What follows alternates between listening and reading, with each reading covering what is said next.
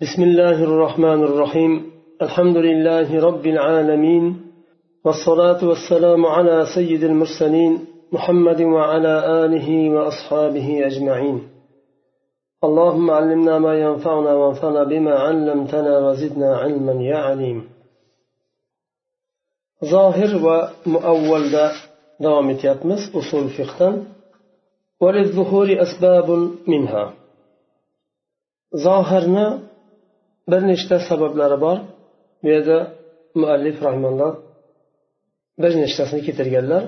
Al haqiqa ويقابلها المجاز ومثاله أن يقول قائل رأيت أسدا ويحتمل أن يكون المراد أسدا حقيقيا وهو الظاهر ويحتمل أن يكون المراد رجلا شجاعا شبيها بالأسد وحمله على هذا الثاني تأويل لا يقبل إلا بقرينة birinchisi haqiqat haqiqatni muqobilida majoz bor misoli shundayki bir kishi asadni ko'rdim desa arslonni ko'rdim desa ehtimol u haqiqiy asadni arslonni aytayotgan bo'lishi mumkin agar haqiqiy arslonni aytayotgan bo'lsa u zohirdir ehtimol shijoatlik shijoati bilan asadga o'xshaydigan bir insonni aytayotgan bo'lishi ham mumkin.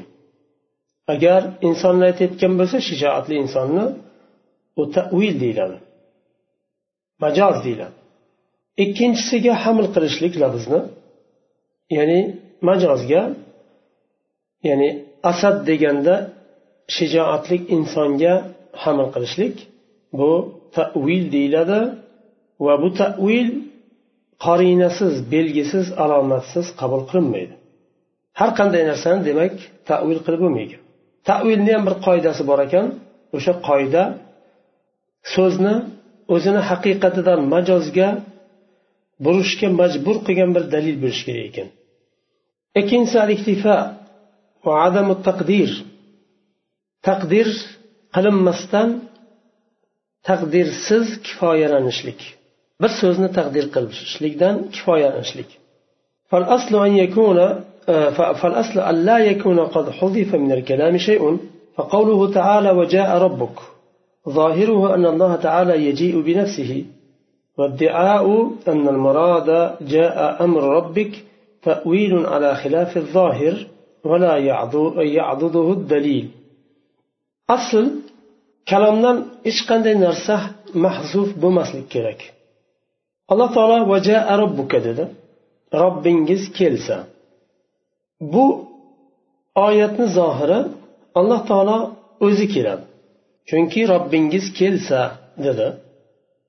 Ba'zilar davo qilishdiki vajaa amru robbik allohni amri kelsa degan ma'noni berishdi va aytishdiki amr mahzuf qilingan tushirib qoldirilgan. Shu tushirib qoldirilgan lafz shu yerda taqdir qilinadi deyishdi.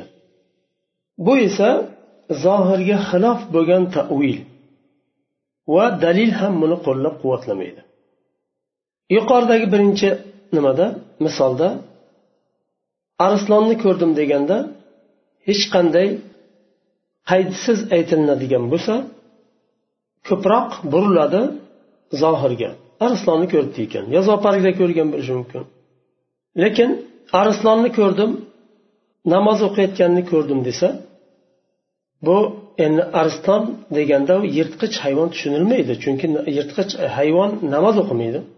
Arslonni namoz o'qiyotganini ko'rdim desa demak insonni shijoatli insonni nazarda tutayotganligi aniq bo'ladi. Nima uchun dalil bu yerda? Namoz o'qishlik.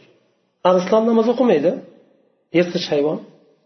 bu dalil lafzni zohiridan majozga buradigan dalil bu lekin bu yerda vaja robbukada dalil yo'q amr robbika deyishlik uchun uchinchisi al itloq va adamu taqyid uchinchisi mutloq aytilingan oyat ya so'z mutloqligida qoladi muqayyat qilinmaydi قوله تعالى في كفارة الظهار فتحرير رقبة والظاهر أن الرقبة غير مقيدة بالإيمان الله تعالى zihor kafforasida kafforatida mujodala surasida oldin arablarda zihor bor edi seni masalan bir erkak ayoliga xotiniga e, yelkang yo qo'ling yo qorning yo beling e, meni onamni yosh e, qorni kabi deydigan bo'lsa zihor bo'lardi. Tamom taloqqa o'xshagan bir narsa edi. Shu uslubda ham ajralardi. Islom keldi buni man qildi agar kim zihor qiladigan bo'lsa unga kafforat qo'ydi islom. Kafforatini fatahriru raqaba dedi. Bir qulni yo cho'rini ozod qilish. lekin iymon bilan muqayyat qilmadi mutloq qilindi raqaba deganda qul yo cho'ri tushuniladi e, musulmon yo muslima bo'lsa ham yo kofir bo'lsa ham to'rtinchisi al umum فألفاظ العموم ظاهرة في الاستغراق مع احتمال خصوص وحملها على الخصوص تأويل كما يأتي بيانه في فصل العام والخاص umumning lafzi istig'roqda zohirdir. Istig'roq deganda o'sha jinsni hammasini o'zini ichiga olish. Bir jinsni hammasini o'zini ichiga olish. Masalan innal insana lafi xusr deganda inson aliflom bilan keldi. Aliflom bilan kelgani uchun bu istig'roqni bildirdi.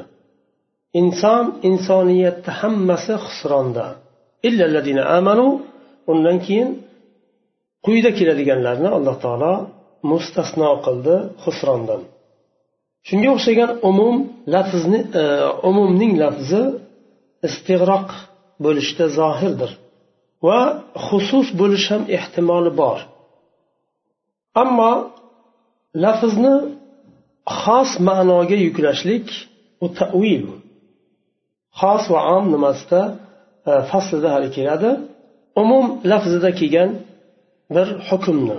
Yoyinki bir so'zni xusus e, ma'nosiga yuklashlik u tavilni bir turi ومن هنا يتبين أن حمل اللفظ على مجازه أو تقدير محذوف فيه أو تقييده وهو مطلق أو ادعاء أن المراد بالعام الخصوص كل ذلك من قبيل التأويل ولا بد له من دليل شرعي ولا يجوز أن يكون بمجرد الهوى لأنه إخراج لللفظ عما يقتضيه ظاهره shu yerdan shu narsadan bayon bo'ladiki lafzni majozga yuklashlik yoyinki bir mahzuf deb bir lafzni taqdir qilish mutloqni muqayyat qilish va umum hukmida kelgan bir so'zni xusus iroda qilinyapti deb davo qilish bularni hammasi tavil ga o'xshagan yaqin bo'lgan bir narsa bu. Shuning uchun tavilga o'xshagan narsa bo'lgani uchun shar'iy dalil bo'lishligi kerak umum bo'lgan narsani xos deyishligimiz uchun dalil kerak mutloq kelgan lafzni muqayyat qilishimiz uchun dalil kerak. Bir lafz mahzuf qilingan deb taqdir qilishimiz uchun ham dalil kerak. Havoni ya'ni bimujarradil havo inson o'zi tarafidan aqliga suyangan holda havosiga suyangan holda uni dalilsiz qilishligi mumkin emas joiz emas nima uchun chunki lafzni zohiri taqozo qilgan nimadan chiqarishlik bo'ladi u dalilsiz chiqarishlik bo'ladi ومن هنا وضع الأصوليون هذه القاعدة usuliylar shuning uchun quyidagi qoidani qo'yishni qo'yishdi ya'ni حمل اللفظ على المعنى الظاهر لا يحتاج إلى الدليل وحمله على المعنى المرجوح لا بد له من دليل يمنع من إرادة المعنى الظاهر ويعين المراد ببر قاعدة لفظنا ظاهر معنى يكلشلك zohirga haml qilishlik uchun dalilga muhtoj bo'linmaydi ammo marjuh ma'noga haml qilishlik uchun dalilga muhtoj bo'linadi qanaqa dalilga zohir ma'nogadan bo'ladigan bir dalil bo'lishi kerak ومثاله قوله وقول الله تعالى والسارق والسارقة فقطعوا أيديهما الظاهر من اللفظ أن المراد كل اليد إلى مفصل الكتف ولكن فعل النبي صلى الله عليه وسلم عندما قطع الكف وحدها دليل يبين أن المراد المعنى المرجوح الله تعالى قرآن السارق والسارقة o'g'ri erkak va o'g'ri xotinni qo'llarini kesinglar deb alloh taolo amr qildi yad deganda qo'lni hammasi yelkagacha bo'lgan qism hammasi yad deyiladi deganda lafzni zohiri qo'lini yelkadan kesishga nima qiladi? Ya'ni kesishni e, bildiradi. Chunki yad deganda yelkagacha bo'lgan hammasi yad. Yelkani bo'g'imigacha bo'lgan. Nima uchun kafni o'zi bilan kifoyalandi? Dalil rasululloh sollallohu alayhi vasallamni fe'llari. U kishi o'g'rini faqatgina kaftini kesdilar ya'ni kaftidan keyingi bo'g'imdan kesib tashladilar. Aslida agar bu dalil bo'lmaganda kaftidan keyingi bo'g'im marjuh ma'no yelkasidan yelkasidagi bo'g'im rojih ma'no edi aslida. Hozir rojih ma'noni qo'yildida marjuh ma'noga haml qilindi. Sababi rasululloh sollallohu alayhi vasallamni fe'llari. Dalil bo'ladi bunga. ومثاله من السنة قول النبي صلى الله عليه وسلم الولد للفراش وللعاهر الحجر حجر.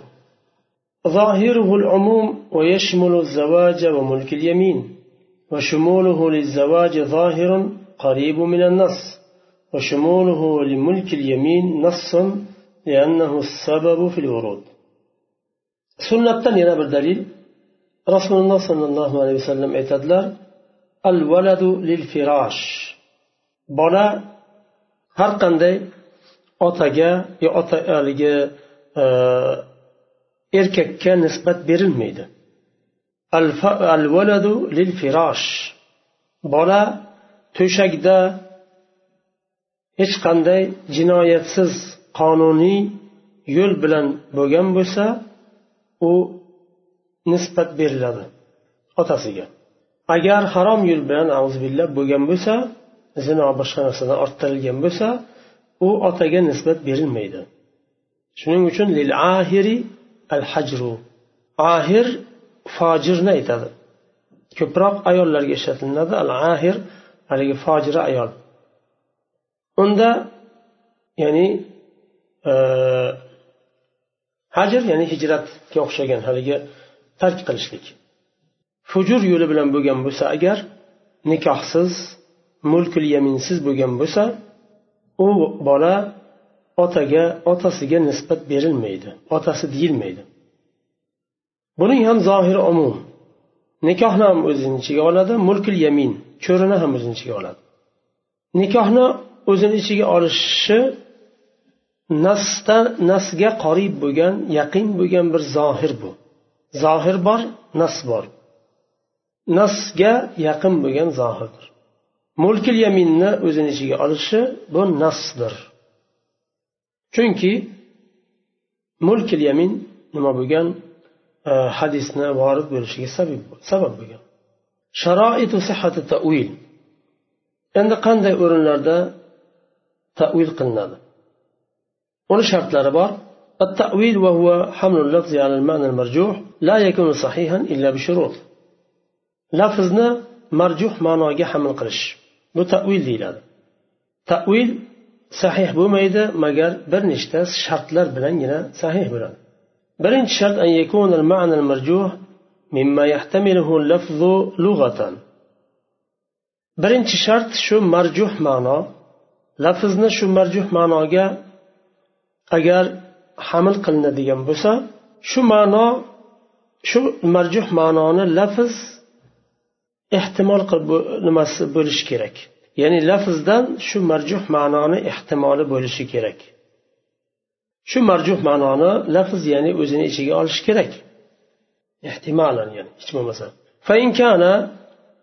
لا يحتمله أصلا فهو تأويل مردود أجر shu lafz o'sha marjuh ma'noni o'zini ichiga olmasa o'sha ma'no chiqish ehtimoli hech bo'lmasa u holda bu tavil mardud bo'ladi rad qilinadi misol keltiryaptilar الكرسي في قوله تعالى وسع كرسيه السماوات والأرض على العلم وحمل آية الرحمن على العرش استوى على معنى استولى فلا يعرف في اللغة استعمال الكرسي بمعنى العلم ولا استواء بمعنى استيلاء وسع كرسيه السماوات والأرض allohning kursiysi osmonlaru yerni sig'diradi osmonlaru yerdan ham kengroq kattadir buni agar ilm deyilsa noto'g'ri ma'no bo'ladi chunki kursiydan e,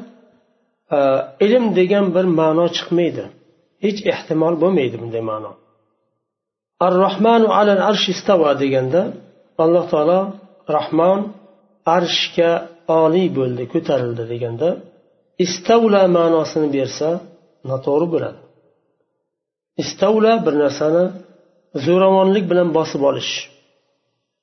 Alloh taolo o'zini mulkini bosib olmaydi. Ya'niki alloh taolo bilan bir, bir raqib yo'q borib jang qilib bosib olinadigan. Va bu aslan bu ma'no chiqmaydi ham bu e, istava degandan istavla ma'nosi chiqmaydi. Umuman na uzoqdan na yaqindan bu ma'noni ehtimoli yo'q bu nimadan. Shuning uchun agar istavani o'rnida yoki istavaga istavla ma'nosi berilsa rad qilingan tavil bo'ladi u. Nima uchun? Chunki shu marjuh bo'lgan ma'no lafzdan tushunilishi kerak lafz shu marjuh ma'noni o'zini ichiga olishi kerak الشرط الثاني أن يقوم الدليل على أن المراد ذلك المعنى الثاني المرجوح بعينه ikkinchi sharti marjuh bo'lgan ma'no murod qilinayotganidan qilinayotganiga dalil bo'lishlik kerak shar'iy dalil. Yuqorida aytganimizdek arslonni namoz o'qiyotganini ko'rdim deyilsa namoz o'qiyotganini ko'rdim degani dalil yirtqich hayvon bo'lishi mumkin emasligiga dalil. Chunki yirtqich hayvon namoz o'qimaydi. Masalan arslonni uxlayotganini ko'rdim desa arslon uxlaydi. Arslonni jumada xutba qilayotganini ko'rdim desa mumkin emas u. Arslon xutba qilolmaydi jumada. Demak bu dalil ochiq bir dalilki arslon bo'lishi hech ham mumkin emas. Demak inson nazarda tutilayotganligiga bir dalil bu.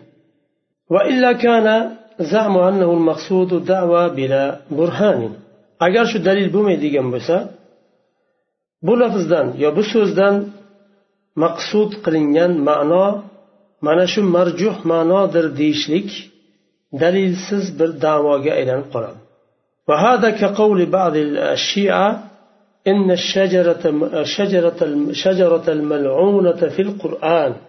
إسراء سورة الله تعالى إن الشجرة الملعونة في القرآن. قرآن دا لعنة لنجان درخت دب. bir muayyan daraxtni nazarda turilgan bo'lsa shia aytadiki bu banu umayya deydi muoviya roziyallohu anhuni avlodini aytadi.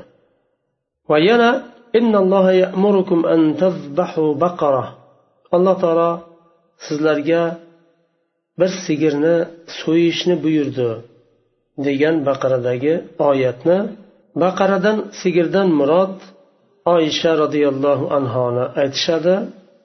Bu ham botil bo'lgan tavil hech qanday bu oyatni ma'nosi lafzi hech qanday yaqindan ham uzoqdan ham o'zini ichiga olmaydi. Demak bu davo botil bo'lgan bir davodir. Va botiniylar aytadiki inna solata deganda hiya hifzu asrorihim solat deganda namozni ular sirni muhofaza qilish o'zlarini sirlarini muhofaza qilishni saqlashni namoz deydi shuning uchun ularda botiniylarda ko'p mana e, botiniylarga alaviylar kiradi va isnashariylar fotimiylar yana ba'zi bir nimalar kiradi shularni tekshirsangiz e, aksariyati balki hammasi desa ham xato bo'lmasa kerak namozdan uzoqda namozni o'qimaydi وقد أكثرت هاتان الطائفتان الشيعة والباطنية وخاصة الثانية من تأويل القرآن بمعان غير محتملة أصلا فأخذوا يفسرون ألفاظ القرآن بما لا تحتمله من قريب ولا بعيد وكان الباطنية الصوفية أيضا مشاركة في هذا الاتجاه المنحرف. من shu ikkala toifa shia botiniylar shia alohida bo'lsa botiniylar ular ham shiyani bir qismi. Botiniylar deyiladi. Va xosatan ikkinchisi shu botiniylar qur'onni hech ehtimoli bo'lmagan ma'nolarga burib tafsir qilishdi tavil qilishdi. Sufiylar ham botiniy bo'lgan sufiylar ham ularga shu yo'nalishda munharif bo'lgan yo'nalishda sherikdir deyaptilar.